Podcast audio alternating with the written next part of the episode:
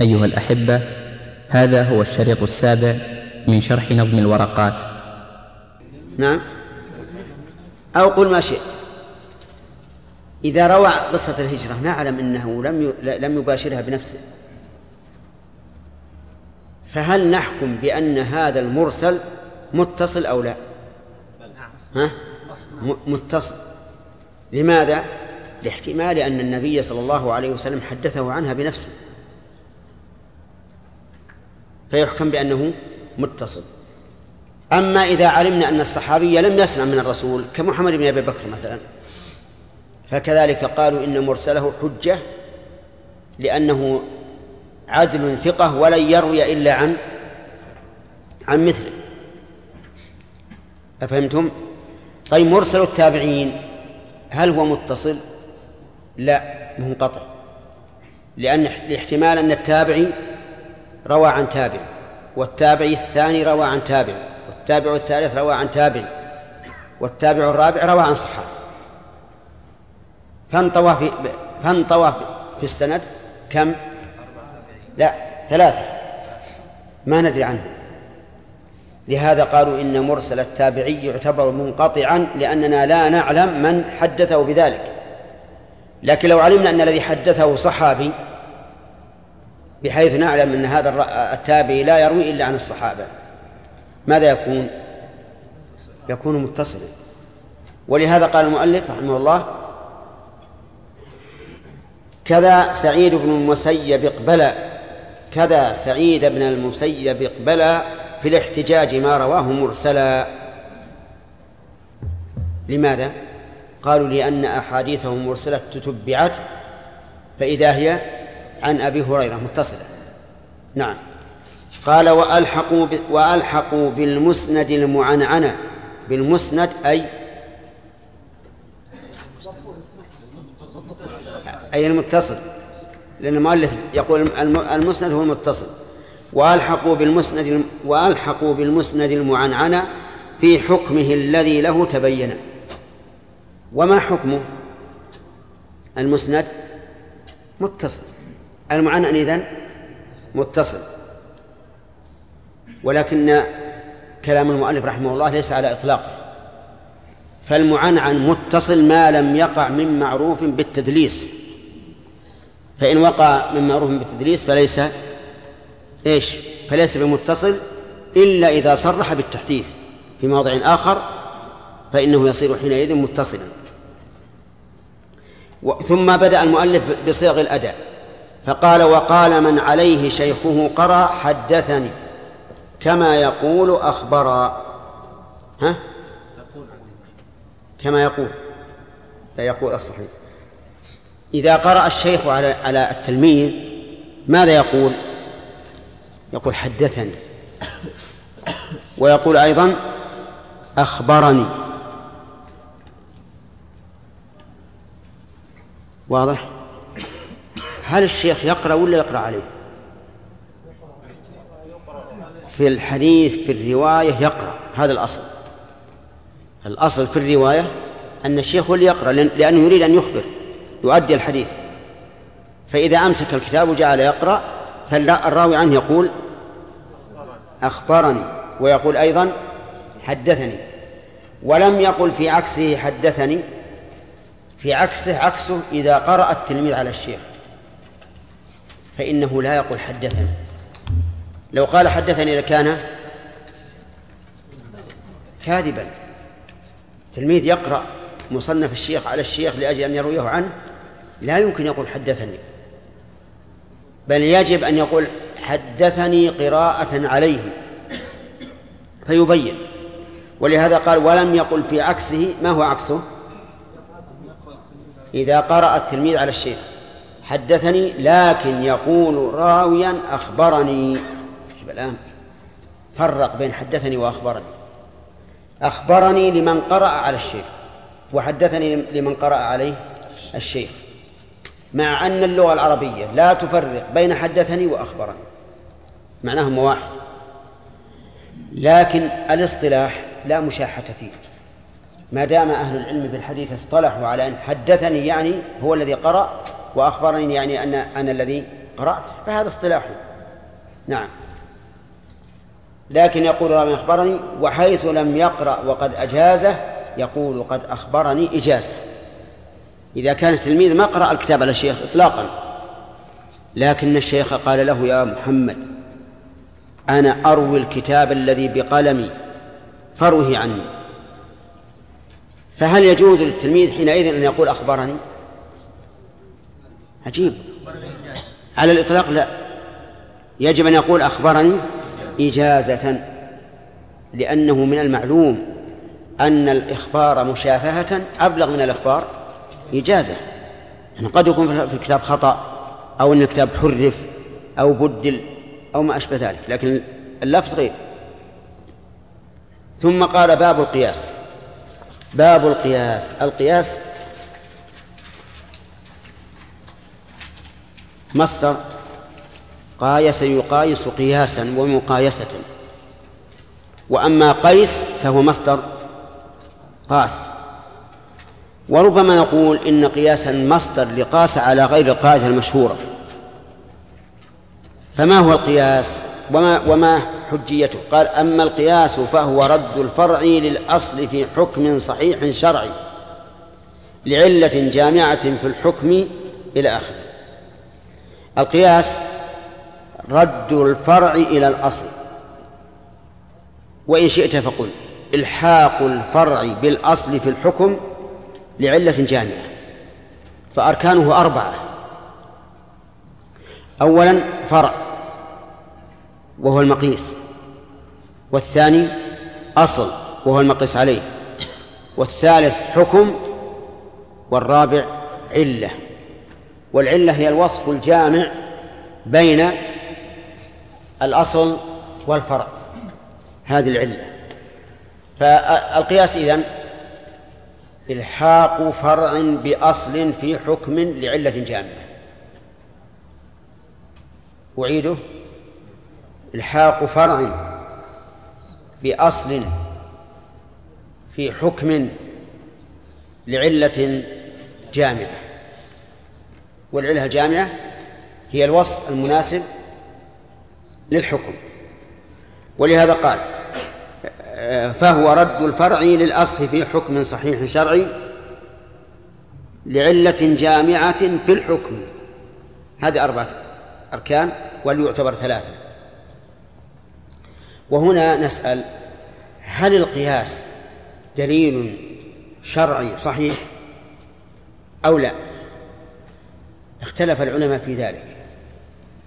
فقال الظاهرية لا ليس حكما شرعيا صحيحا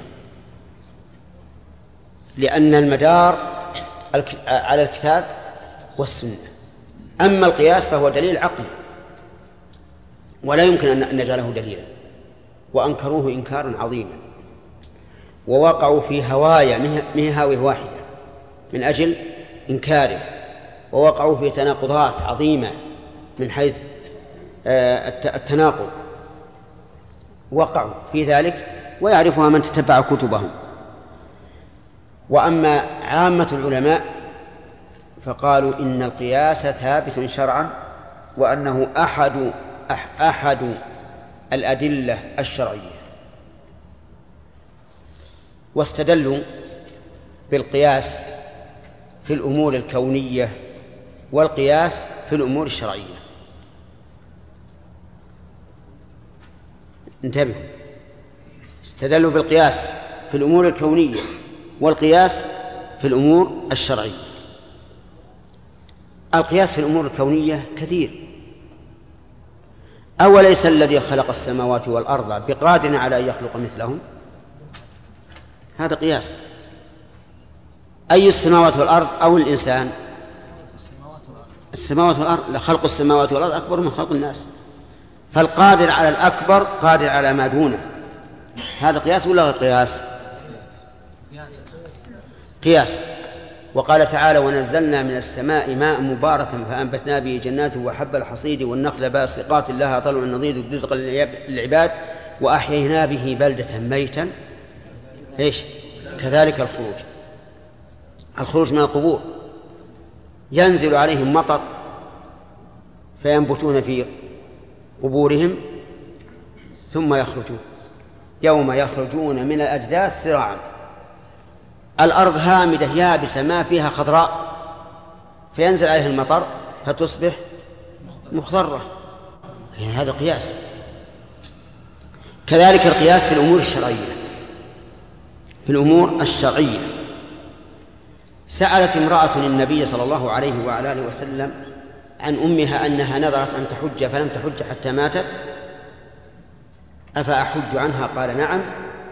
وقال أرأيت لو كان على أمك دين أكنت قاضيتها قالت نعم. قال قل الله. هذا قياس ولا غير قياس؟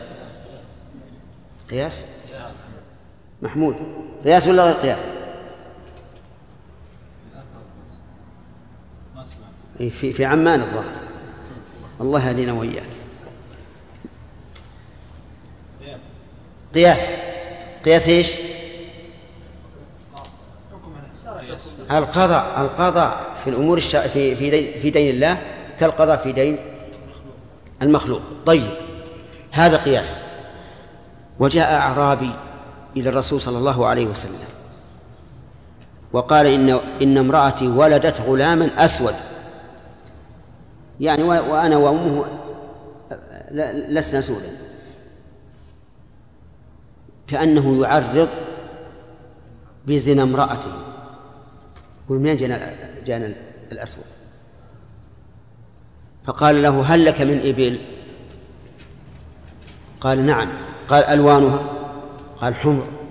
قال فيها أورق؟ قال نعم. قال من أين جاء قال لعله نزعه عرق. قال فولدك هذا لعله نزعه عرق سبحان الله. يعني ما قال الولد لكم؟ لو قال الولد لكما قال نعم رضينا بالله ورسوله.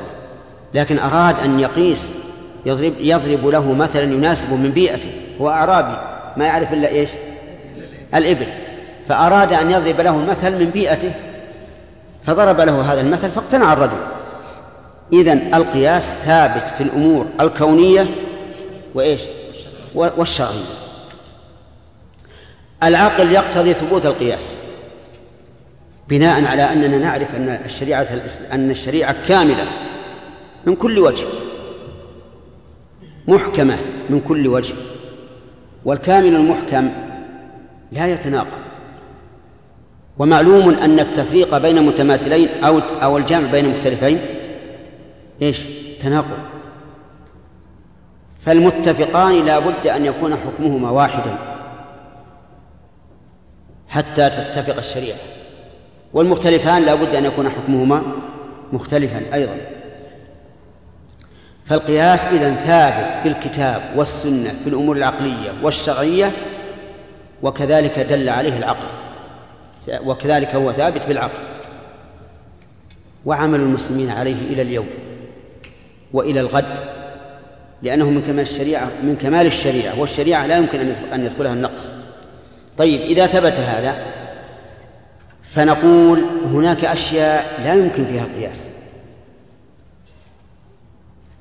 كما سيذكر إن شاء الله. قال وليعتبر ثلاثة في الرسم لعلة أضفه أو دلالة أو شبه ثم أعتبر أحواله. يعني أن القياس ينقسم إلى ثلاثة أقسام. والقياس اختلف العلماء رحمهم الله في مورد التقسيم فيه.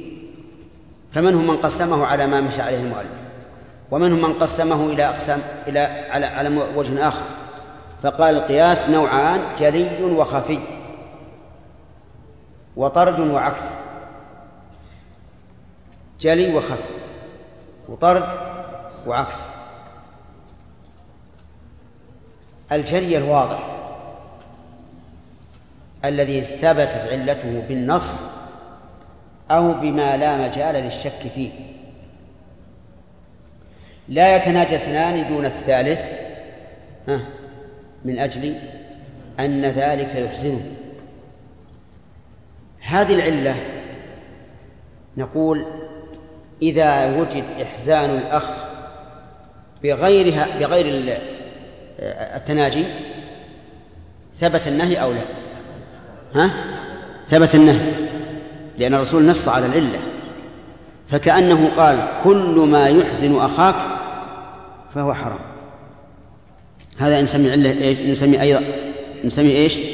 جليا هناك أشياء علته خفية أشياء علتها خفية يختلف فيها العلماء. هذا نسميه قياسا إيش؟ قياسا خفيا. قياسا خفيا مثاله قياس الرز على على البر في في في وجوب في ثبوت الربا. الرز على البر الرز ما نص الرسول عليه. فهل يقاس على البر لأنه مكيل مطعوم؟ أو لا يقاس لأن الرسول عين؟ في احتمال. ولهذا نسمي مثل هذا القياس قياسا خفيا. آه، المؤلف رحمه الله جعل مورد التقسيم غير هذا. وذكرنا أيضا ذكرنا أيضا الطرد وعكس الطرد أن يقاس النظير على نظيره والعكس أن يقاس الشيء على ضده. لما قال الرسول صلى الله عليه وسلم في بضع أحدكم صدقة قالوا يا رسول الله يأتي أحدنا شهوته ويكون له فيها أجر؟ قال أرأيتم لو وضعه في الحرام؟ أكان عليه وزر فكذلك إذا وضعه في الحلال كان له أجر. نعم. يقول وليعتبر ثلاثة في الرسم لعلة أضف هذا قياس العلة أو دلالة قياس الدلالة أو شبه قياس الشبه وأضعفها الشبه ثم الدلالة ثم العلة أقواها العلة ثم الدلالة ثم الشبه. أولها ما كان فيه العلة موجبة للحكم مستقلة كضربه للوالدين ممتنع ها؟ فضربه للوالدين ممتنع كقول أف وهو وهو للإيذاء منع. يقول ما كانت العلة فيه موجبة للحكم فهو قياس علة. مثاله قال الله تبارك وتعالى في الوالدين ولا تقل لهما أف. أف يعني أتضجر. ضرب الوالدين. من باب أولى ليش؟ أشد ايذاء وأشد إهانة. فيقال ضرب الوالدين حرام قياسا على التأفيف قياسا على التأفيف فإذا قال قائل هذا القياس علة ولا ولا دلالة ولا شبه؟ قلنا هذا القياس علة. لماذا؟ لأن قياس الأولى كل قياس أولى فهو قياس علة. كذا ولا لا؟ طيب لا تأكلوا أموال اليتامى. فجاء إنسان قال ما أكلها أو هذه مماثلة دعونا منه قال أنا أريد أن أحرقها. يقول إحراقة؟ أشد من أكلها. لأن أكلها ليس فيه إضاعة مال. وإحراقها فيه إضاعة مال وإفساد للمال وفيه أكل لمال اليتامى. فنسمي هذا قياس قياس علة واضح؟ طيب. امرأة لم تتزوج أصلا. قيل لها أتريدين أن تتزوج بفلان قالت نعم. نقول هذا إذن. قياسا على إيش؟ على السكوت والصمت لأنه من باب من باب أولى. نعم. نعم. كيف يؤولون الأحاديث التي ذكر فيها النبي صلى الله عليه وسلم أو قاس فيها وسلم؟ هذا ربما يقولون جاءت به السنة فنقبله. نحن أهل ظاهر. قواعد؟ ها؟ ها؟ يعني الرجعية ها؟ لا ما هو شرط. الأفضل أن يشهد وليس بشرط. نعم. هل الرجل يجامع زوجته يكون له أجر. ولو جامع أجنبية كان عليه وزر فإذا كان في جماع الأجنبية عليه الوزر ففي جماع أهله. له الأجر. نعم.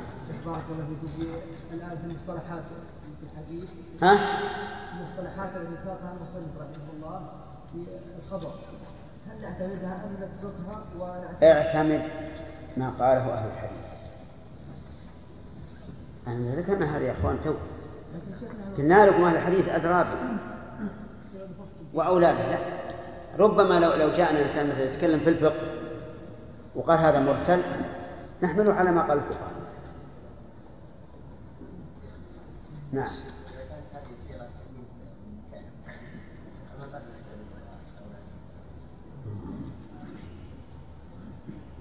أخونا يوبخ الفقهاء. يقول لماذا يشتغلون فيما هو ليس من شأنه؟ ومن حسن الإسلام تركه ما لا يعني كذا؟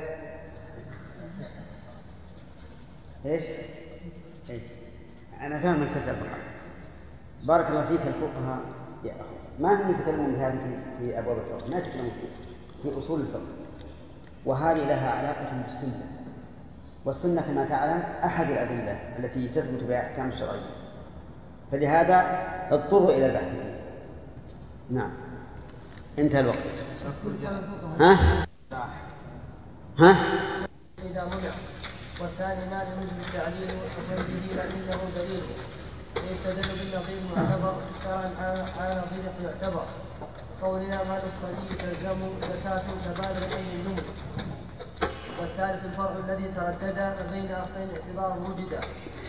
فيلتحق بأي دين أكثر من غيره في وصفه الذي يرى.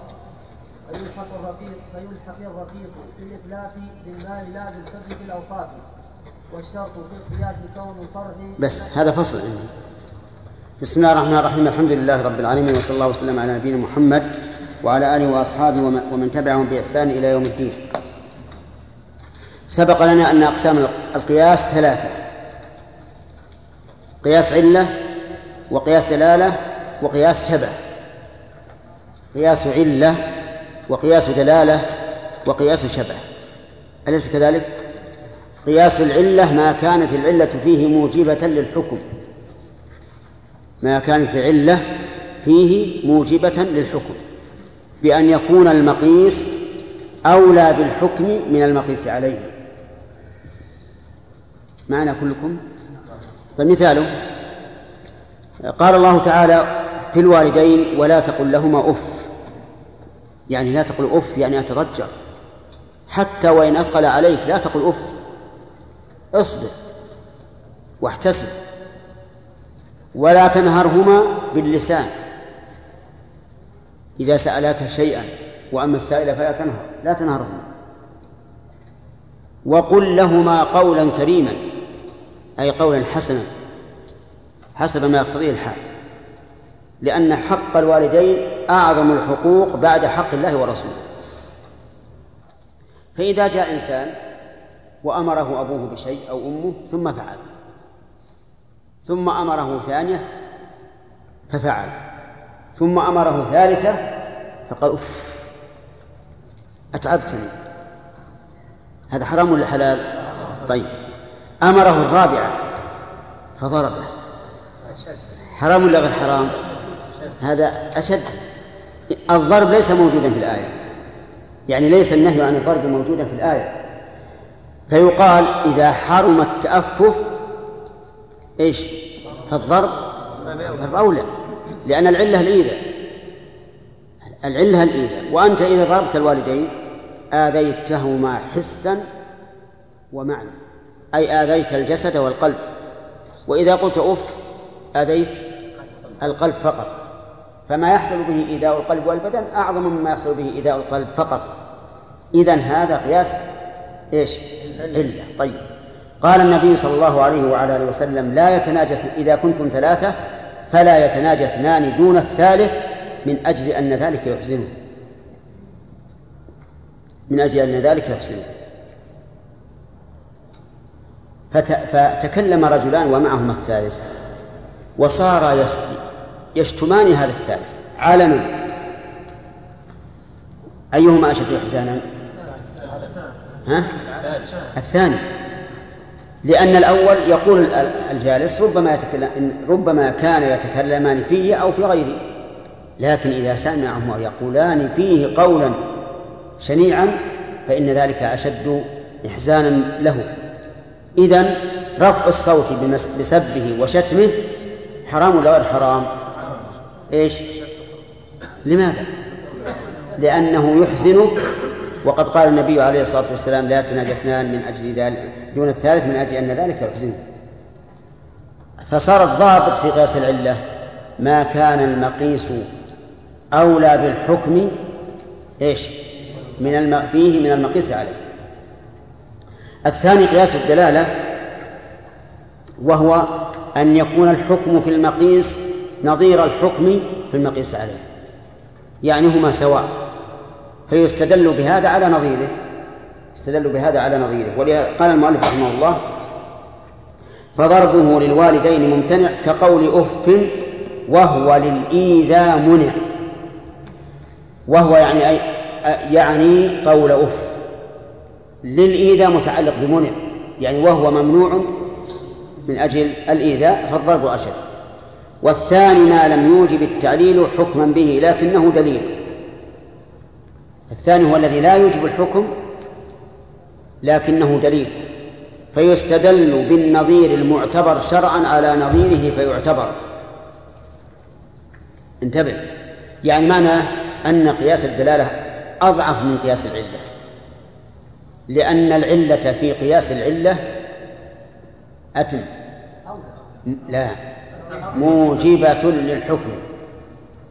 وأما قياس الدلالة فإن الدليل مجوز للحكم أي مجوز لنقل الحكم من المقيس عليه إلى المقيس لأنه نظير بنظيره وليس. وليس.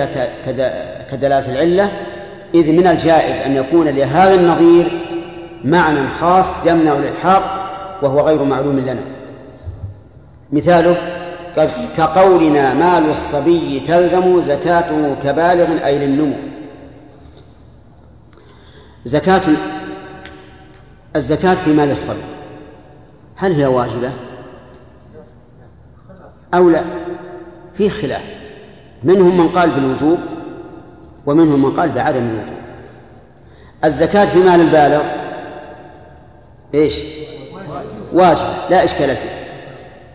فإذا فإذا قال قائل أنا سأقيس مال الصبي في وجوب الزكاة على مال البالغ في وجوب الزكاة والعلة النمو أن كل منهما مال نامي.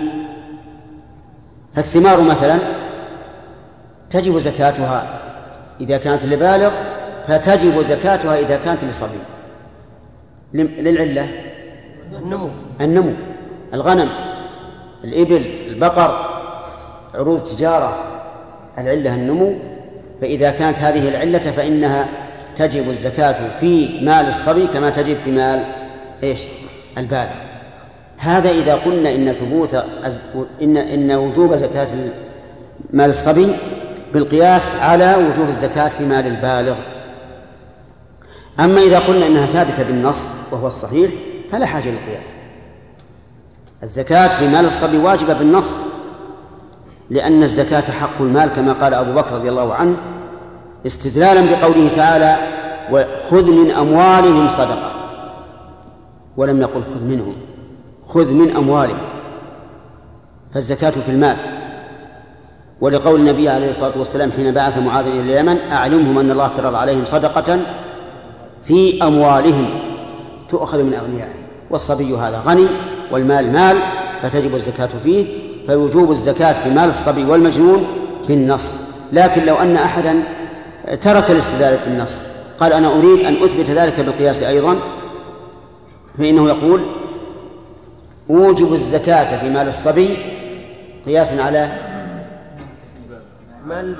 على وجوب الزكاة في مال البالغ بجامع بجامع النمو, النمو في كل منهما. هذا يسمى إيش؟ قياس دلالة. قال الله تعالى ولا تأكلوا أموال نعم. إن إن الذين يأكلون أموال اليتامى إنما يأكلون في بطونهم نارا. نعم إن إن الذين يأكلون أموال اليتامى ظلما إنما يأكلون في بطونهم نارا. فجاء إنسان وشرب من من ماء, من ماء اليتيم أو اكتسى بثوبه ظلما. هل يحرم الآية في الأكل الشرب مثله واللباس مثله فهمتم؟ طيب هذا القياس إيش؟ ما نوعه؟ قياس دلالة لأنه استدلال بالنظير على نظيره إتلاف مال اليتيم أي إحراقه هل يقاس على أكله؟ نعم من باب أولى هذا ربما نقول إنه قياس علة ربما نقول إنه من قياس العلة لأن الأكل فيه انتفاع من طرف آخر والإحراق ليس فيه انتفاع. لا من ج... لا لا في جانب اليتيم ولا في جانب المحرق. طيب. والثالث الفرع الذي تردد ما بين أصلين اعتبارا وجدا فليلتحق بأي ذين أكثرا من غيره في وصفه الذي يرى. فليلتحق. فليلتحق. بأي ذين أكثرا من غيره في وصفه الذي يرى فليلحق الرقيق في الإتلاف بالمال لا بالحر في الأوصاف. هذا أضعف أنواع القياس وهو قياس الشبه. قياس الشبه تردد الفرع بين أصلين مختلفين. معنى؟ تردد إيش؟ الفرع بين أصلين مختلفين في الحكم. فهل نرده إلى هذا أو إلى هذا؟ ينظر أيهما أكثر به شبها الرقيق يشبه الحر في حقوق الله عز وجل. فالتوحيد واجب عليه الشهادة بالرسول عليه للرسول بالرسالة واجب عليه إقام الصلاة واجب عليه الصوم واجب عليه. أما الزكاة والحج فلا لأنه ليس له مال. طيب يشبه البهيمة في كونه يباع يشترى يرهن يوهب يوقف. هذا كله يشبه إيش؟ البهيمة. إذا أتلف يعني قتله رجل خطأ. فهل يضمن بالدية قياسا على الحر أو بالقيمة قياسا على البهيمة؟ لا تتعجلون أيهما أكثر شبها أبي الحر أم بالبهيمة؟ في باب نعم.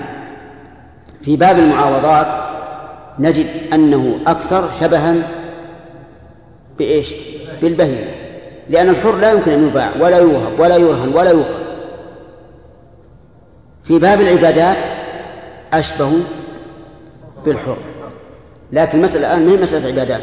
مسألة مسألة ضمان.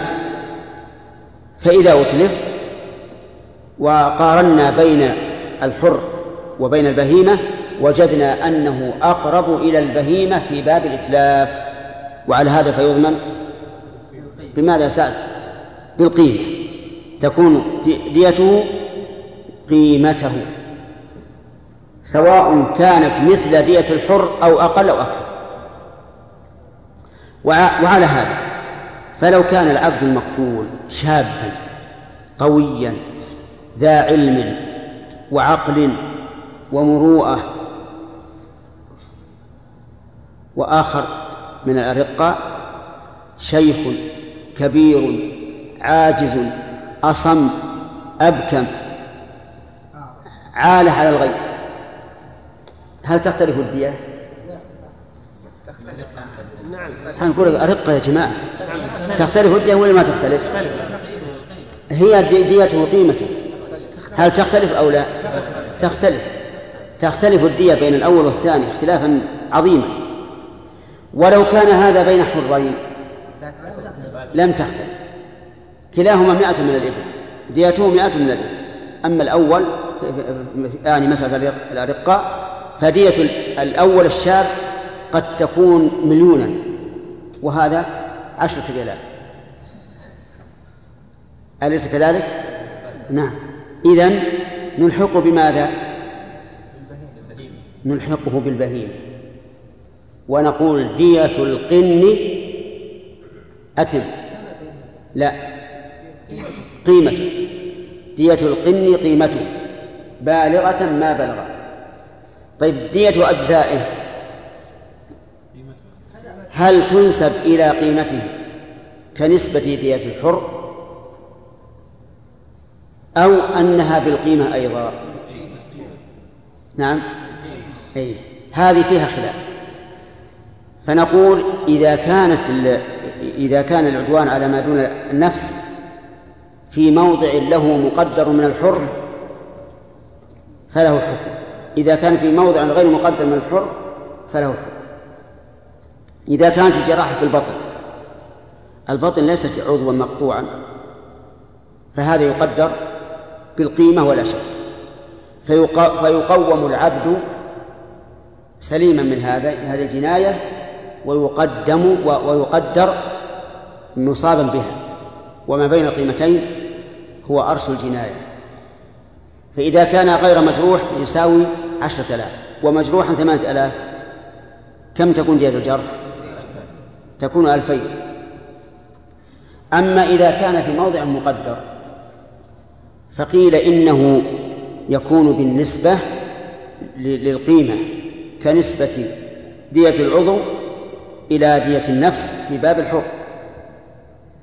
وقيل يعتبر بالقيمة. ويظهر ذلك بالمثال. عبد تني عليه فقطعت يده اليمنى. فإذا قلنا بالقيمة باعتبار باعتبار نسبة دية هذه اليد إلى دية النفس وقلنا إن هذا الرقيق لو كان سليما لكان يساوي عشرة آلاف. كم نعطيه لليد؟ كم؟ خمسة آلاف. لأن دية لأن دية يد الحر نصف الدية. نعطيه خمسة آلاف. سواء نقص خمسة آلاف أو أقل أو أكثر. وإذا قلنا بالقيمة فإننا نعطيه ما نقص قيمته ولو كان أكثر من الثلثين. كلام واضح ولا غير واضح؟ واضح. طيب. هذا عبد قيمته عشرة آلاف. فلما قطعت يده اليمنى صار لا يساوي إلا ثمانية آلاف إلا ألفين. كم نعطيه على القول بأنه يقدر بما نقص من قيمته عموما؟ ثمانية آلاف. وعلى القول بأن ننسبه نسبة يد الحر إلى ديته خمسة آلاف.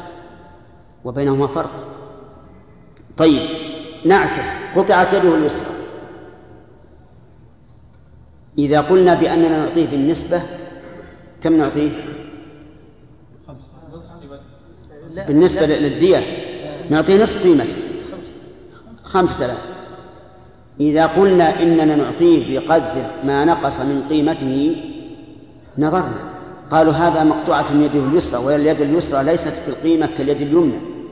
هو لو هو الآن يساوي عشرة وبعد قطع يده اليسرى يساوي ثمانية.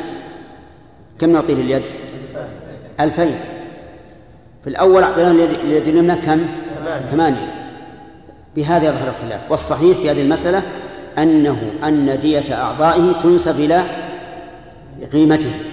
لأن لأن الجزء كالكل. فكما أننا نعتبر دية نعتبر ديته قيمته في نفسه كذلك نعتبر ديته بالنسبة لأعضائه ما نقص من قيمته. هذا هو الصحيح. وخلاصة هذا أن القياس ينقسم إلى نعم.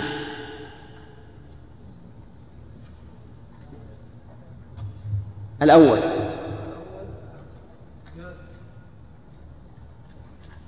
علة. نعم.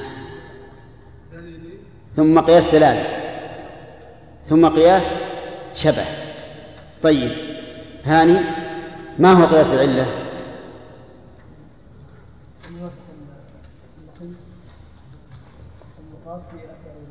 المقاس ترى هذه اضربها الحائط.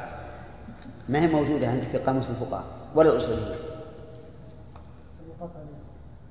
المقيس عليه. لأنها ثلاثية. نعم. لا. ما كان الحكم واجبا في المقيس عليه أولى من المقيس أولى من لا. سنت ما كانت العلة فيه موجبة للحكم. بأن يكون المقيس أولى بالحكم من المقيس عليه. طيب. الدلالة؟ قياس الدلالة هو قياس النظير على نعم. فالعلة فيه دليل على الحكم وليست موجبة له. تمام. الثالث ما هو أول؟ نعم وهو. أحسنت. تمام. أيهما أقوى في إيجاب حكم المقيس عليه للمقيس؟ قياس العلة لأنه لا يمكن لأحد أن ينكره. طيب. قياس لبس ثياب اليتيم على أكل ماله ها؟ قياس دلالة لماذا؟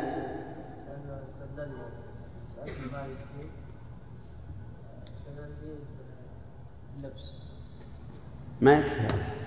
أيضا استدللنا بتحريم التأفيف على تحريم الضرب. وهذا قياس علة. عبيد؟ خطأ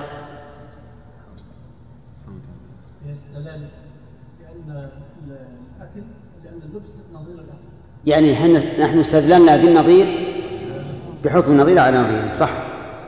طيب إتلافه إتلاف مال اليتيم الأقرب أنه قياس علة الأقرب أن يكون قياس علة لماذا؟ لأنه هنا استدل من باب أولى. لأن ثبوت الحكم ثبوت الحكم من باب أولى. في المقيس أقوى من أو أقوى منه في المقيس عليه. تمام. ننتقل ننتقل الآن إلى الشرط الثاني من القياس في القياس. قال والشرط في ال... لا إلى البحث الثاني في القياس إلى البحث الثاني في القياس. قال والشرط في القياس كون الفرع مناسبا لأصله في الجمع. ها؟ عندي مناسب. والشرط في القياس كون الفرع مناسبا لأصله في الجمع بأن يكون جامع الأمرين مناسبا للحكم دون ميل. يشترط في القياس أن يكون أن يكون الفرع مناسبا للأصل في الجمع. بمعنى أن العلة الجامعة مناسبة للمقيس والمقيس عليه. بأن يجتمع المقيس والمقيس عليه في أوصاف العلة. فلا يوجد وصف العلة في المقيس دون المقيس عليه ولا العكس. لا بد أن يتفق المقيس والمقيس عليه في أوصاف العلة بأن تكون أوصاف العلة موجودة في هذا وهذا. وهذا هو معنى قولنا فيما سبق في تعريف القياس لعلة جامعة. وكون ذاك الأصل ثابتا بما يوافق الخصمين في رأييهما يعني يشترط أيضا ثبوت الأصل عند الطرفين. ثبوت الأصل عند الطرفين. فإن لم يثبت الأصل عند الطرفين فإنه لا يصح القياس وهذا في باب المناظرة لا مطلقا. ف فالشرط في الواقع صحة الحكم في الأصل أن يكون الحكم ثابتا في الأصل سواء كان في نفس الإنسان إذا لم يكن له مخاصم أو بينه وبين الخصم إذا كان له مخاصم. مثال ذلك رجل قال إنه لا يصح أن يرمي بالحصاة مرة أخرى. في رمي الجمرات في الحج. لأنها استعملت في أمر واجب. فلا يصح استعمالها به مرة أخرى. قياسا على الماء الطهور. إذا استعمل في طهارة واجبة فإنه لا يكون مطهرا. انتبه. عندنا الأصل. ما هو؟ الماء الطهور. استعمل في طهارة واجبة. وعندنا فرع وهو رمي نعم. رمي الجمرات بحصى قد رمي به. فيقول الخصم أنا لا أوافق على الأصل. أنا لا أوافق على حكم الأصل وهو أن الماء المستعمل في طهارة واجبة يكون طاهرا غير مطهر. إذا قال هكذا يبطل القياس أو لا؟ يبطل. لأنه إذا بطل الحكم في الأصل لازم بطلانه في الفرع. أليس كذلك؟ طيب. إذا قال تجب التسمية في الغسل قياسا على الوضوء. والخصم يقول نعم أنا أقول إن إن التسمية في في الوضوء واجبة لكنها في غير في الغسل غير واجبة. فهل يلزم بالقياس؟ نعم. نقول نعم نلزمك. ما دمت تثبت وجوب التسمية في الوضوء فأثبتها في الغسل لأن لأن كل منهما طهارة واجبة. لكن إذا عارض وقال أنا لا أوجبها بالغسل لأن الرسول صلى الله عليه وسلم كان يغتسل كثيرا ولم يقل لا غسل لمن لم يذكر اسم الله عليه. فعدم إيجابها مع توافر الدواعي على ذلك يعني عدم ذكر التسمية في الغسل يدل على عدم الوجوب فيقال له ووردت أيضا أحاديث كثيرة في صفة الوضوء لم يذكر بها التسمية. فمن أوجبها في الوضوء لزمه أن يوجبها في الغسل. طيب في التيمم في التيمم أيضا ربما يقيس يقول إن, إن البدل له حكم مبدل. وربما يعرض الخصم فيقول إن الرسول صلى الله عليه وسلم قال لعمار إنما كان يكفيك أن تقول بيديك هكذا ولم يذكر البسملة والخلاصة أنه يشترط ثبوت حكم الأصل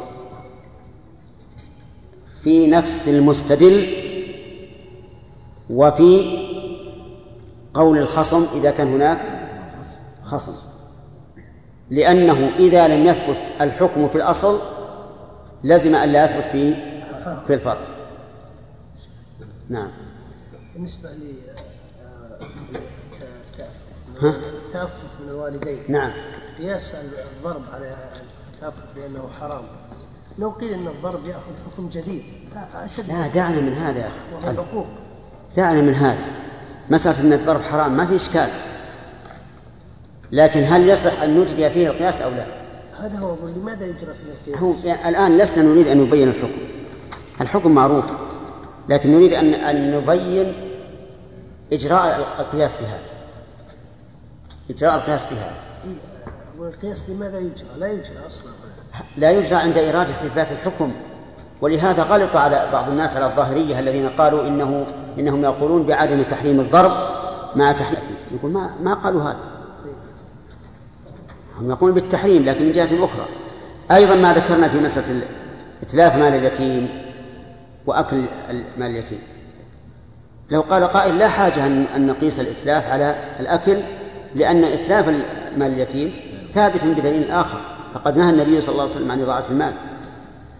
نقول نحن لا نريد إثبات الحكم.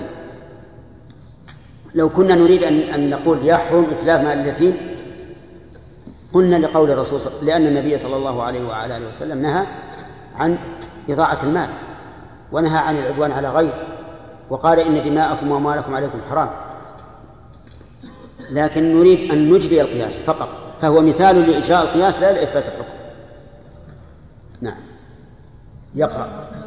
رسول الله قال المصنف رحمه الله وشرط كل علة في كل معلولاتها التي ترد لم ينتقض لفظا ولا معنى فلا قياس في ذات انتقاض مسجلا والحكم من شروطه أن يتبع علته نفيا وإثباتا معا فهي التي له حقيقا تجلب وهو الذي لها كذاك يجلب يجلب. لا حكم قبل بس بس. الرسول. عندي فصل ترى. نعم. عندي فصل بسم الله الرحمن الرحيم. الحمد لله رب العالمين وصلى الله وسلم على نبينا محمد وعلى آله وأصحابه ومن تبعهم بإحسان إلى يوم الدين. العلة وهي الوصف الموجب أو المناسب للحكم هي أحد أركان القياس. لأن القياس أربعة أركانه أربعة مقيس ومقيس عليه وحكم وعلة. العلة لها شروط. يشترط في كل علة أن تضطرد في كل معلولاتها التي ترد. لا بد في العلة أن تكون مضطردة يعني توجد في جميع المعلولات. فإن كانت لا توجد في كل في جميع المعلولات بطل القياس. لأنه إذا انتفت العلة في المقيس لا ي... لم يمكن إلحاقه بالمقيس عليه لأنها منتقضة فإذا قيل مثلا إن التأثير للوالدين يؤذيهما. فأراد فأراد إنسان أن يقيس تبرم الولد من أبيه وأمه على قوله أف. نظرنا هل توجد الأذية في التبرم كما توجد من قول أف أو لا؟ إن كان توجد فالعلة العلة واحدة مضطردة وإن لم توجد فهي غير مضطردة فلا يصح الإلحاق كذلك لو قال قائل البيع بعد نداء الجمعة الثاني محرم أليس كذلك؟ لقوله تعالى فاسعوا إلى ذكر الله وذروا البيع فلو قال قائل الهبة محرمة أيضا لأنها عقد تمليك كعقد البيع هل يصح هذا القياس؟ ننظر إذا كانت العلة مضطردة صح القياس. إذا كانت غير مضطردة لم يصح القياس. العلة هي أن في البيع أن البيع والشراء يكثر في في, في المجتمعات. ولهذا لو قارنت بين عقود الهبات وعقود الشراء البيع والشراء لوجدت عقود الهبات إيش؟ قليلة بالنسبة لعقود البيع. إذن فنقول إن العلة هنا غير مضطردة وذلك لأن البيع والشراء يكثر جدا والنفوس تدعو إليه بخلاف الهبة فلا يصح قياس الهبة على قياس على البيع والشراء لعدم اضطراد العلة فيهما. طيب ولو قال قائل ما تقولون في التأجير؟ تأجير بعد إنتهاء الجمعة الثانية. قلنا إن الإشارة بيع. عقد معاوضة مبني على المشاحة فهي في حكم البيع. فلا تصح الإجارة بعد نداء الجمعة الثاني لمن تجب عليه الجمعة كالبيع. والمهم أنه لا بد أن تكون العلة إيش؟ مضطردة أي موجودة في جميع معلولاتها. فإن تخلفت فإنها ليست علة صحيحة فلا فلا تصح. يقول لم لم تنتقل لفظا ولا معنى فلا قياس في ذات انتقاض مسجلة. مسجلة يعني مطلقا. انظر المثال في الشرح. عندكم شرح؟ شرح الورقات من معكم؟ شرح. لأنه المتن إيه. طيب. ها؟ شرح. المتن شرح المتن طيب. على كل حال المعنى كما قلت لكم. لكن شرح كلام المؤلف يحتاج إلى إلى أمثلة نأتي بها غدا إن شاء الله. قال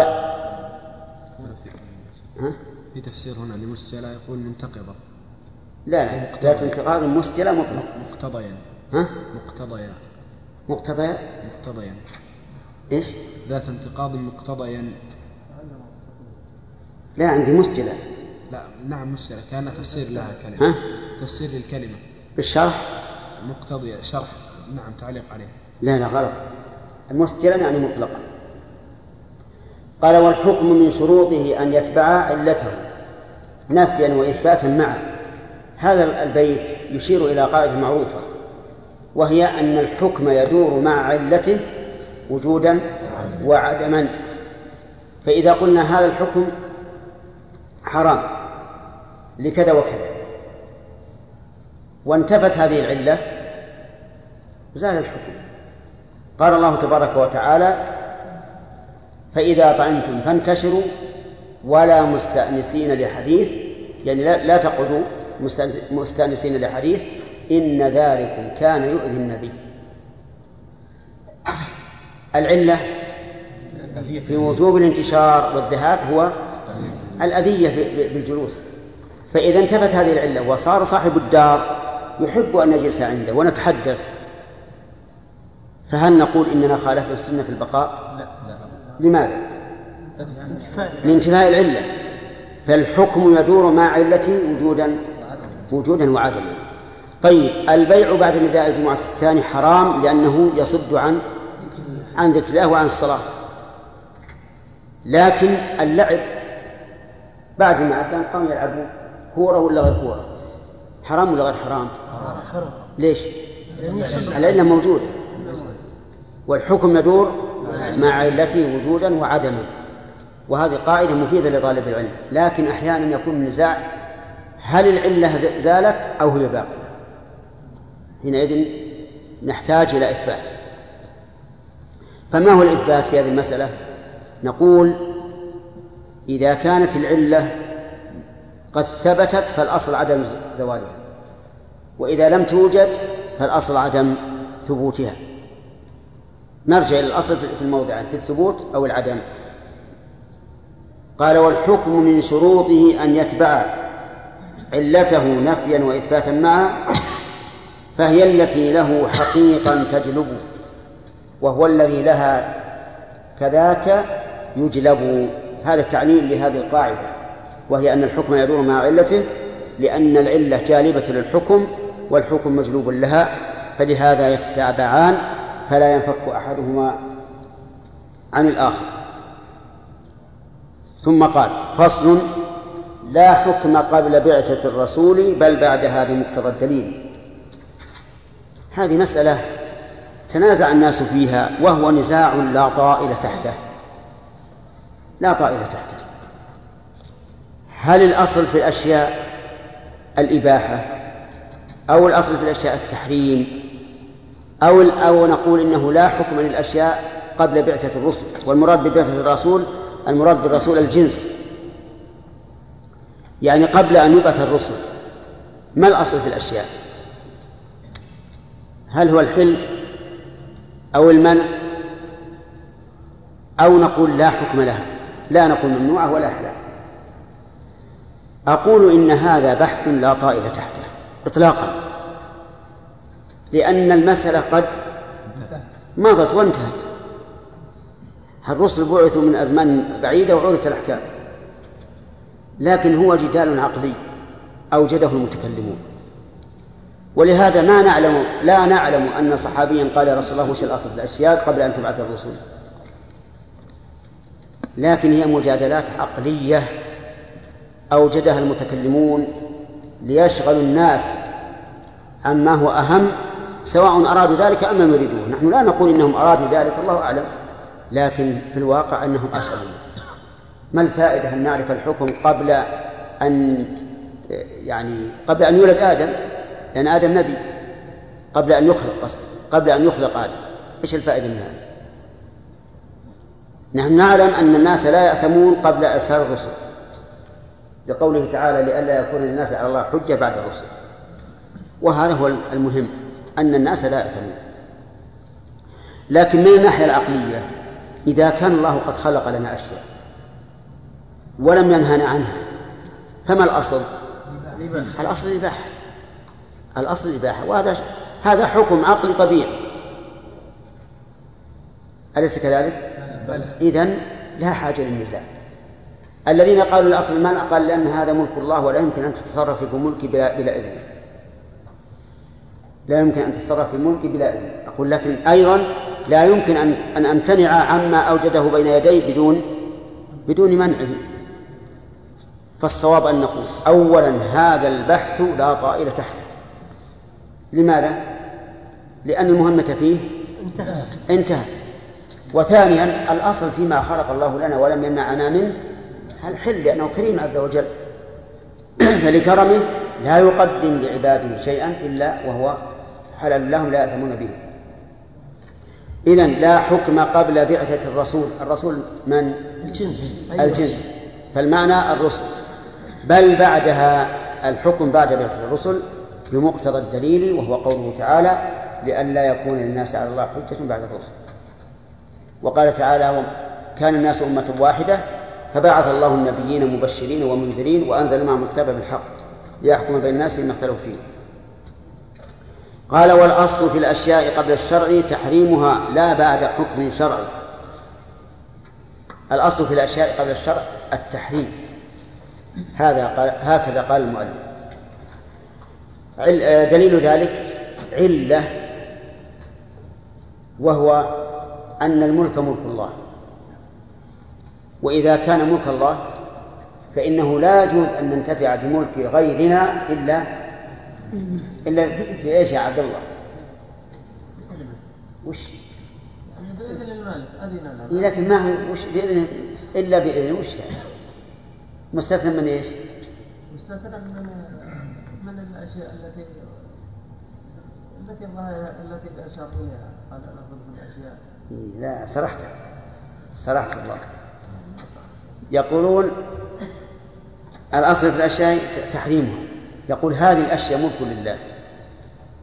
ولا يمكن أن ننتفع بشيء من ملكه إلا بإذنه. إذن فالأصل التحريم.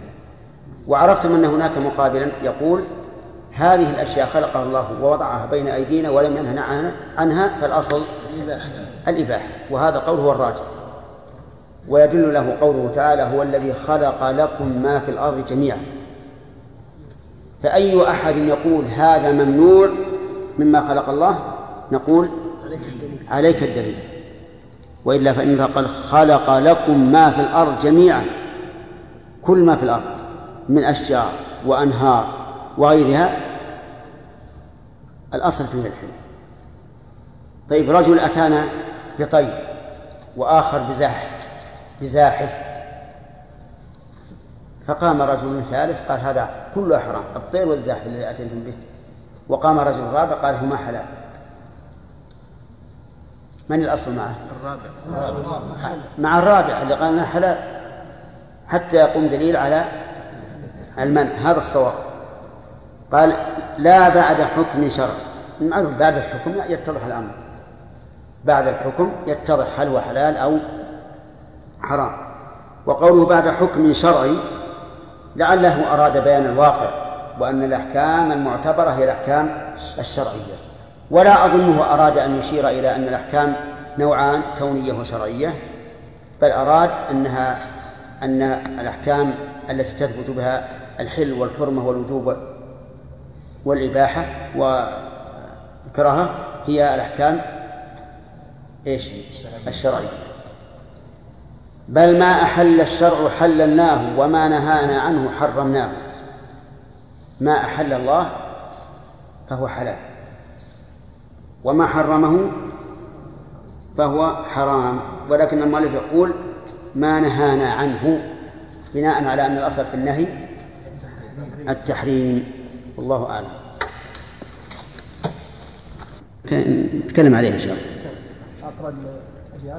أنت عندك القراءة؟ طيب تفضل.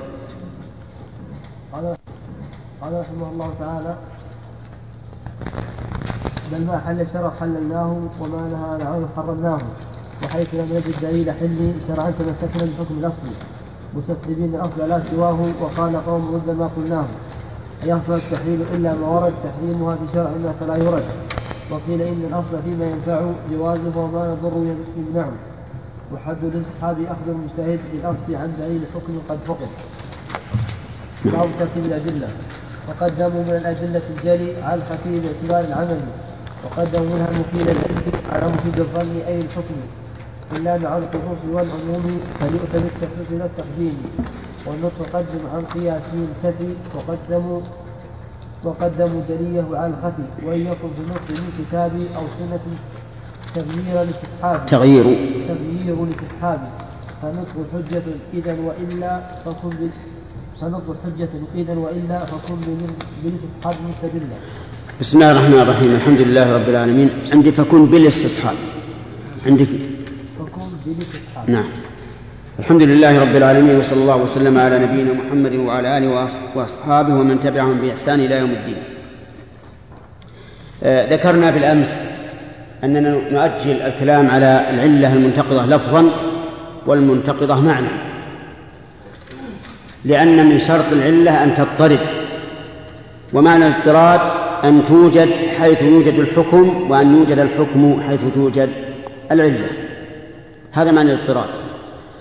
فلو تخلفت العلة عن الحكم لم تكن علة له ولو تخلف الحكم عن العلة لم تكن هي علة له ولم يكن تابعا له. مثلوا للمنتقدة لفظا بقولهم القتل بالمثقل رحمك الله القتل بالمثقل موجب للقصاص كالمحدد لأنه قتل عمد القتل بالمثقل موجب للقصاص كالقتل بالمحدد بجامع أن كل منهما عمد. فهمتم؟ المثقل يعني مثلا حجر لا يجرح أو خشبة ضرب بها شخصا فمات. فهذا يقتص منه عند جمهور العلماء. وقال بعض أهل العلم إنه لا يقتص منه لأنه لا لا قصاص إلا إذا كانت الآلة محددة كالسكين مثلا. فعندنا الآن القتل بالسكين. عمدا موجب للقصاص. القتل بخشبة ونحوها مما يقتل بثقله مختلف فيه. منهم من قال لا قصاص وأنه يعتبر شبه عمد ومنهم من قال إن فيه القصاص وعلل بأنه عمد. الآن لنجعل العلة العمدية. لأن كل منهما عمد فيجب فيه القصاص. والجمهور على أنه يقتل به يعني على أنه موجب للقصاص كالمحدد تماما. لكن إذا عللنا بأنه عمد قال لنا قائل هذه العلة منتقضة بماذا؟ بما لو قتل الرجل ابن ابنه عمدا فإنه لا يقتل به على رأي الجمهور. مع أن العلة موجودة ولا غير موجودة؟ وهي العمدية. هكذا مثل في الشرح. وهذا المثال فيه نظر. لأننا نقول القتل بالمثقل لأن الصواب في إجراء القياس بهذا أن نقول القتل بالمثقل موجب للقصاص كالمحدد لأن كل منهما يقتل غالبا. هذه العلة. كل منهما يقتل غالبا. فكما أن القتل بالمحدد يقتل فالقتل بالمثقل الثقيل مع الضرب به بقوة يقتل. وهذه هي وهذا هو تعليل جمهور العلماء. وعلى هذا فلا ينتقض فلا ينتقض علينا بقتل الولد بقتل الوالد لابنه. عرفتم؟ لكن قد ينتقض علينا حتى في هذه الحال. فيقال إذا قتل الوالد ابنه بمحدد فإنه لا قصاص مع وجود العمدية ومع وجود إيش؟ ومع وجود المحدد. لكن منع قتل الوالد بابنه ليس لعدم شروط القصاص ولكن لوجود المانع وهي وهي الولادة أو الأبوة. ولهذا في الحقيقة لا نجد مثالا صحيحا لهذه المسألة. والقول الواقع فيها أن نقول إن العلة لا بد أن تكون مضطردة توجد إذا وجد الحكم وتنتفي إذا انتفى الحكم فإن لم تكن مضطردة فقد تبين أنها ليست هي ليست هي العلة. المثال الثاني عندنا هو عندك بالشرح يا شرافي.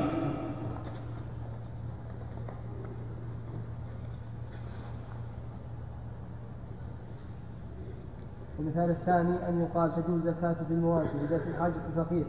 فيقال ينتقل ذلك بوجود ذلك المعنى وهو دفع حاجة الفقير في الجواهر طيب هذا أيضا مثال صحيح يقول تجب الزكاة في المواشي لدفع حاجة الفقير.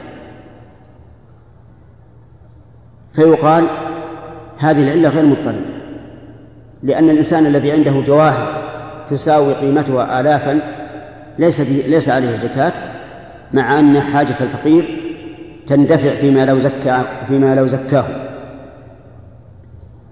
وهذا المثال فيه نظر أيضا لأن المؤلف نفسه رحمه الله ذكر فيما سبق وجوب الزكاة في مال الصبي قياسا على مال البالغ. لماذا؟ للنمى لأنه نامي. فالعلة في وجوب الزكاة في المواشي أنها نامية. لا مجرد دفع حاجة الفقير. ولو كان العلة دفع ولو كانت العلة دفع حاجة الفقير لكانت الزكاة واجبة في كل مال. على كل حال نحن لا نعبأ بكلام المؤلف في هذا الموضوع بل نقول العلة المضطردة هي التي إذا وجدت إيش؟ وجد الحكم. وإذا وجد الحكم وجدت. وما ليس كذلك فهي علة غير مضطردة ولا يصح التعليل بها. ونرجع الآن إلى إلى الأصل. الأصل في الأشياء قبل بعثة الرسل. هل هو الحل أو الحرمة؟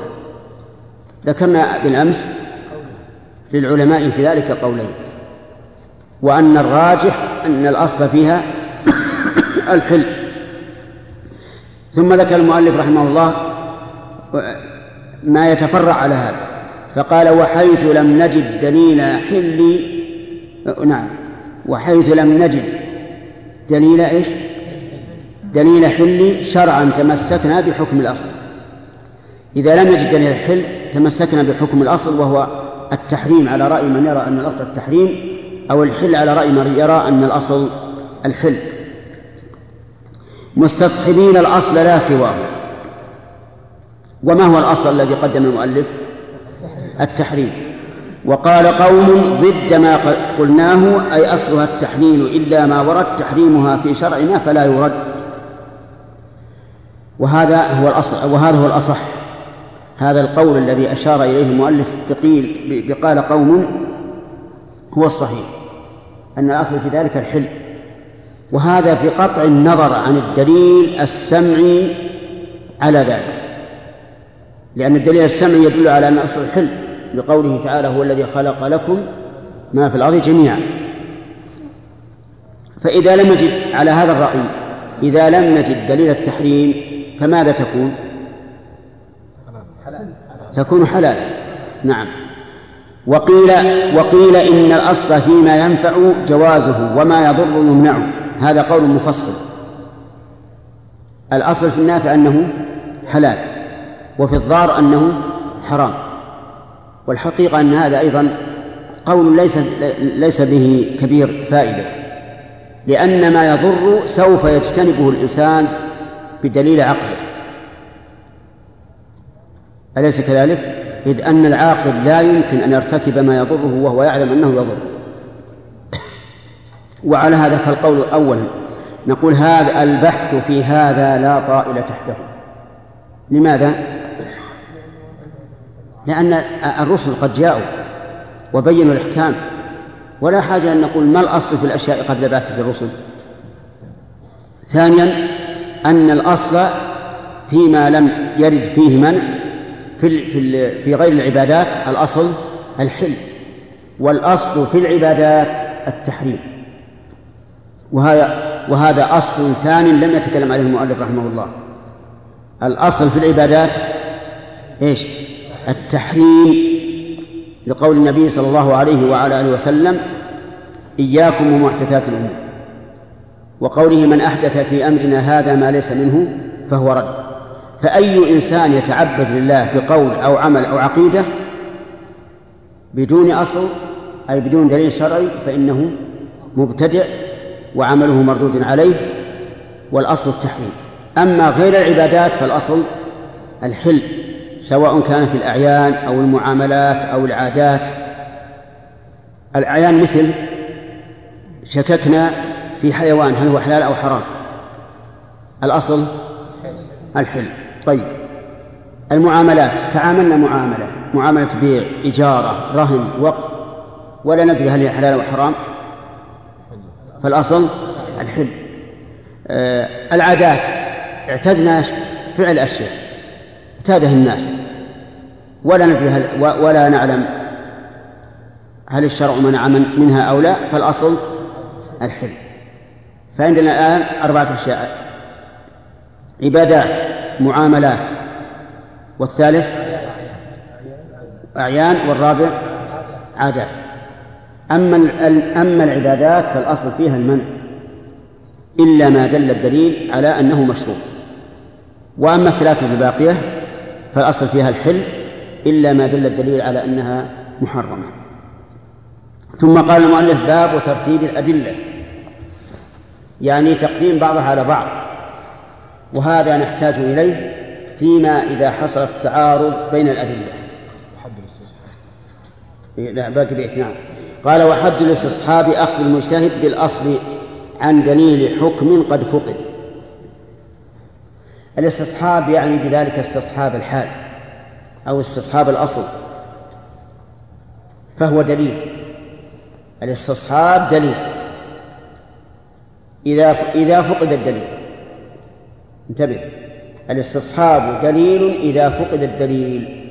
ومعنى الاستصحاب أن نستصحب حكم الأصل.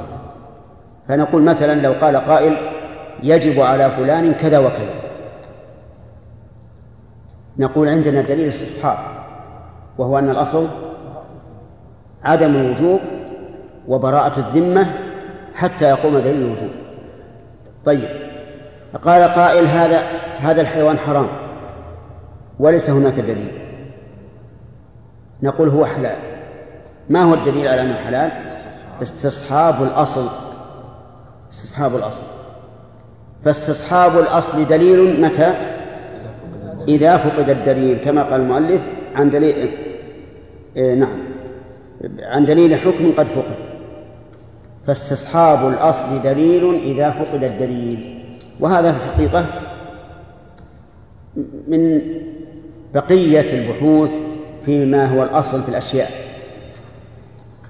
ثم قال باب ترتيب الأدلة يعني يعني تقديم بعضها على بعض وهذا نحتاج إليه متى؟ عند التعارض. يقول وقدموا من الأدلة الجلي على الخفي باعتبار العمل.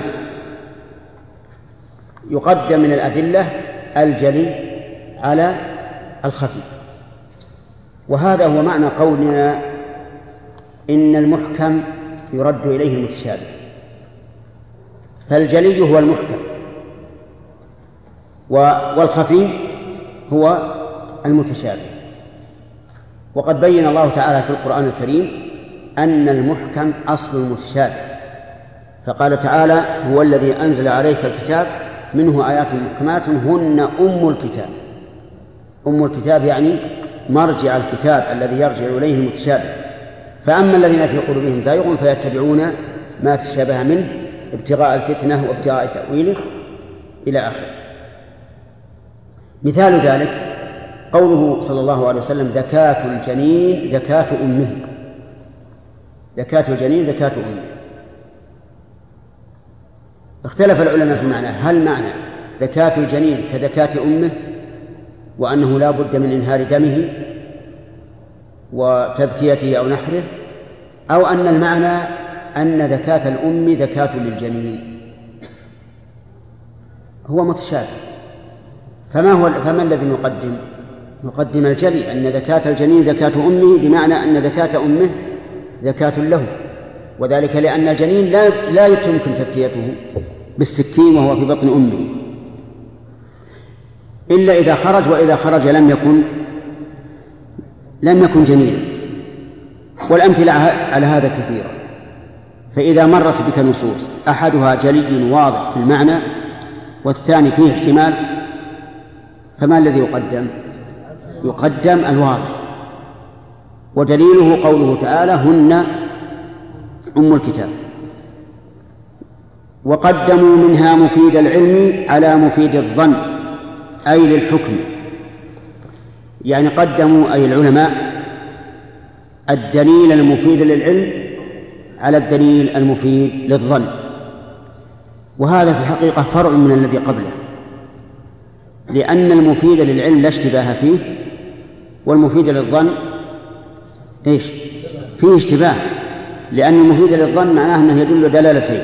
دلالة ظاهرة هي التي تغلب على الظن ودلالة بعيدة وهي التي آه، لا تغلب على الظن. ومعلوم أن الذي التي توجب غلبة الظن أقوى من التي توجب إيش؟ نعم توجب الاحتمال مع مع عدم غلبة الظن. إذا ما يفيد العلم مقدم على ما يفيد الظن. طيب إذا اجتمع متواتر وآحاد فقد سبق لنا أن المتواتر يفيد العلم وأن الآحاد يفيد الظن. وعلى هذا فيقدم إيش؟ المتواتر. إذا كانت دلالة هذا النص على هذا الحكم قطعية ودلالة النص الآخر المعارض على هذا الحكم ظنية أيها يقدم؟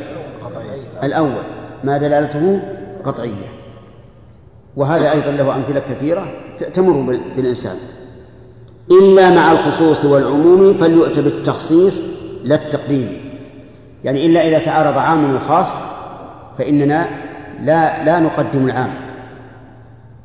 بل نقول هذا العام مخصوص بالخاص. مثاله قال النبي صلى الله عليه وعلى آله وسلم فيما سقت السماء العشر فيما سقت السماء العشر هذا الحديث فيه عموم. عموم بالنوع وعموم بالكم. مستفاد من ماء في قوله فيما سقت لأن ماء اسم موصول واسم موصول يفيد العموم. ما معنى قولنا عموم في النوع؟ أنه يشمل كل ما سقت السماء. من حبوب وثمار وفواكه وبطيخ وغير ذلك. أليس هكذا؟ طيب عموم بالكم يعني بالقليل والكثير فيما سقت السماء من قليل وكثير العشر هذا عام. بإيش؟ بالكم وبالنوع. ثم هناك حديث آخر ليس فيما دون خمسة أوسق صدقة. إذن هذا قيد وهو أنه لا بد أن يبلغ خمسة أوسق. الآن لا يبلغ فإذا كان عندنا أربعة أوسق من الحبوب فلا زكاة فيه بمقتضى الحديث الثاني وفيه الزكاة بمقتضى الحديث الأول. فأيهما نغلب؟ الثاني ونقول في الحقيقة هنا لا تعارض. لأن لأن غاية ما فيه أن الثانية خصص الأول. طيب. كذلك أيضا بالنوع. ما هو الذي يوثق؟ يعني يجعل يجعل أوساقا أحمالا. الذي يوثق هو المكيل إذن لا بد أن يكون ما ما, ما سقط السماء مما يكال. لأن ما لا يكال لم تجر العادة بتوثيقه وذلك في عهد النبي صلى الله عليه وعلى آله وسلم. وقال تعالى يوصيكم الله في أولادكم للذكر مثل حظ الأنثيين. في أولادكم للذكر مثل حظ الأنثيين. الأولاد هنا عام. يشمل الأحرار والعبيد والمخالف في الدين والموافق في الدين. أليس كذلك؟ لأن ولدك المملوك ولد ولدك الذي يخالفك في الدين ولدك. هذه الآية عامة. وفي حديث أسامة بن زيد لا يرث المسلم الكافر ولا الكافر المسلم. هذا خصص. فنقول هنا لا نقدم شيئا على شيء بل نقول هذا العام خصص بالخاص ولا ولا تخصيص ولهذا قال إلا مع الخصوص والعموم فليؤتى بالتخصيص لا التقديم والظن قدم ونعم والنطق قدم عن قياس نعم والنطق والنطق قدم عن قياسه انتفي وقدموا جليه على الخفي. قوله النطق قدم المراد بالنطق الكتاب والسنة لأن القرآن كلام الله والسنة كلام الرسول صلى الله عليه وعلى آله وسلم فهي النطق يقول رحمه الله قدم الكتاب والسنة على القياس. قدم الكتاب والسنة على القياس. وهذا واضح لأن القياس دليل عقلي يقع فيه الوهم والنطق دليل سمعي يجب قبوله. مثال ذلك قال قوم يجوز للمرأة أن تزوج نفسها بنفسها كما يجوز أن تبيع مالها بنفسها. إذا كانت حرة رشيدة بالغة. هذا قياس. يعني إذا ملكت أن تبيع أموالها كلها فلها أن تبيع نفسها لزوجها وتزوج نفسها بلا ولد. هذا قياس. لكنه باطل لمخالفته النص وهو قول الرسول صلى الله عليه وسلم لا نكاح إلا بولد. فهنا قدمنا إيش؟ قدمنا النص على القياس. والقياس المصادم للنص يسميه العلماء فاسد الاعتبار.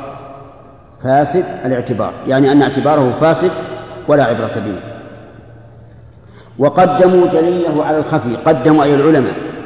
جليه أي جلي القياس على الخفي. وهذا واضح. القياس الجلي ما كانت العلة فيه موجبة للحكم والقياس الخفي هو قياس الدلالة ومن بعده قياس الشبه كما مر. وهذا التقديم واضح. لأن القياس الجلي لا يمكن لأحد أن يعارض فيه والقياس غير الجلي يمكن المعارضة فيه. لأنه خفي. فيقدم الجلي على الخفي يعني فيما إذا تعارض قياسان أحدهما جلي والثاني خفي فإنه يقدم الجلي. مثال ذلك قال قوم تجب يجري الربا في الفواكه. قياسا على البر. وقال آخرون يجري الربا في الرز قياسا على البر ولا يجري في الفواكه أيهما الجلي؟ ها؟ الثاني ولا الأول؟ الثاني نعم جلي وذلك لأن الرز مطابق تماما للبر فهو مثله مكيل وهو مثله مقتات وهو مثله مدخر وأما الفواكه فلا توافق البر إلا في واحد واحد فقط وهو الطعم إذا يقدم إيش؟ القياس الجلي على القياس الخفي. واضح؟ طيب. وقدموا وقدموا جليه على الخفي. وإن يكن في النطق من كتاب أو سنة تغيير الاستصحاب فالنطق حجة إذا إيش؟ نعم. فالنطق حجة إذا وإلا فكل الاستصحاب مستدلة بالاستصحاب مستدلة. يعني معناه إذا كان إذا دل القرآن والسنة على شيء فإنه يرفع حكم الاستصحاب.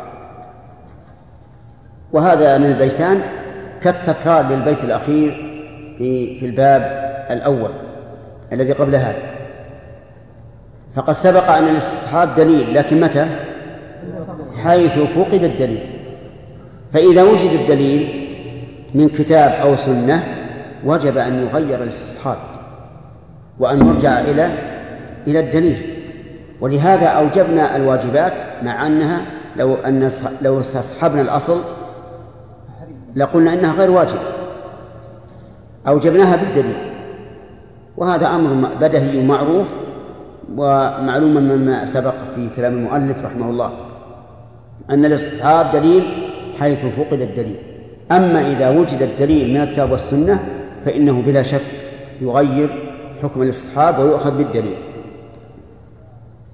ثم قال المؤلف رحمه الله باب في المفتي والمستفتي والتقليد. آه، لدينا مفتي وقاضي يعني حاكما ومستفت ومتحاكم. وتقليد. يعني مقلد. وإن شئت فقل العلماء بل قل الناس. قسمان مجتهد ومقلد. الناس قسمان مجتهد ومقلد. فمن هو العالم؟ العالم المجتهد. وأما المقلد فقد قال ابن عبد البر رحمه الله إن العلماء إن العلماء اتفقوا على أن المقلد ليس من أهل العلم. فهمتم؟ المقلد ليس من أهل العلم. بإجماع العلماء. لأن غاية المقلد أنه كتاب. كتاب فقط. إذ أنه يحكي قول مقلدين. وقد ذكر ابن القيم رحمه الله في كتاب إعلام الموقعين أدلة كثيرة كثيرة جدا على بطلان التقليد وفساد المقلد فساد منهجه. ولكن الحقيقة أن التقليد كما قال شيخ الإسلام رحمه الله بمنزلة الميتة عند الضرورة يجوز. وعند القدرة على الاجتهاد في ختام هذه المادة؟ لا نسأل الله أن نلقاكم وهذا في لقاءات متجددة. أن التقليد حرام إلا إذا دعت الضرورة. إليه. للإنتاج والتوزيع في عنيزة وسيكون في كلام المؤلف. شارع هلالة. أما المجتهد؟ رقم الهاتف والناسخة الهاتفية. صفر ستة ثلاثة ستة أربعة ثمانية ثمانية ثمانية صفر. والرقم الثاني صفر ستة ثلاثة ستة أربعة خمسة ثمانية ثمانية صفر. ورقم صندوق البريد اثنان وخمسمائة وألف.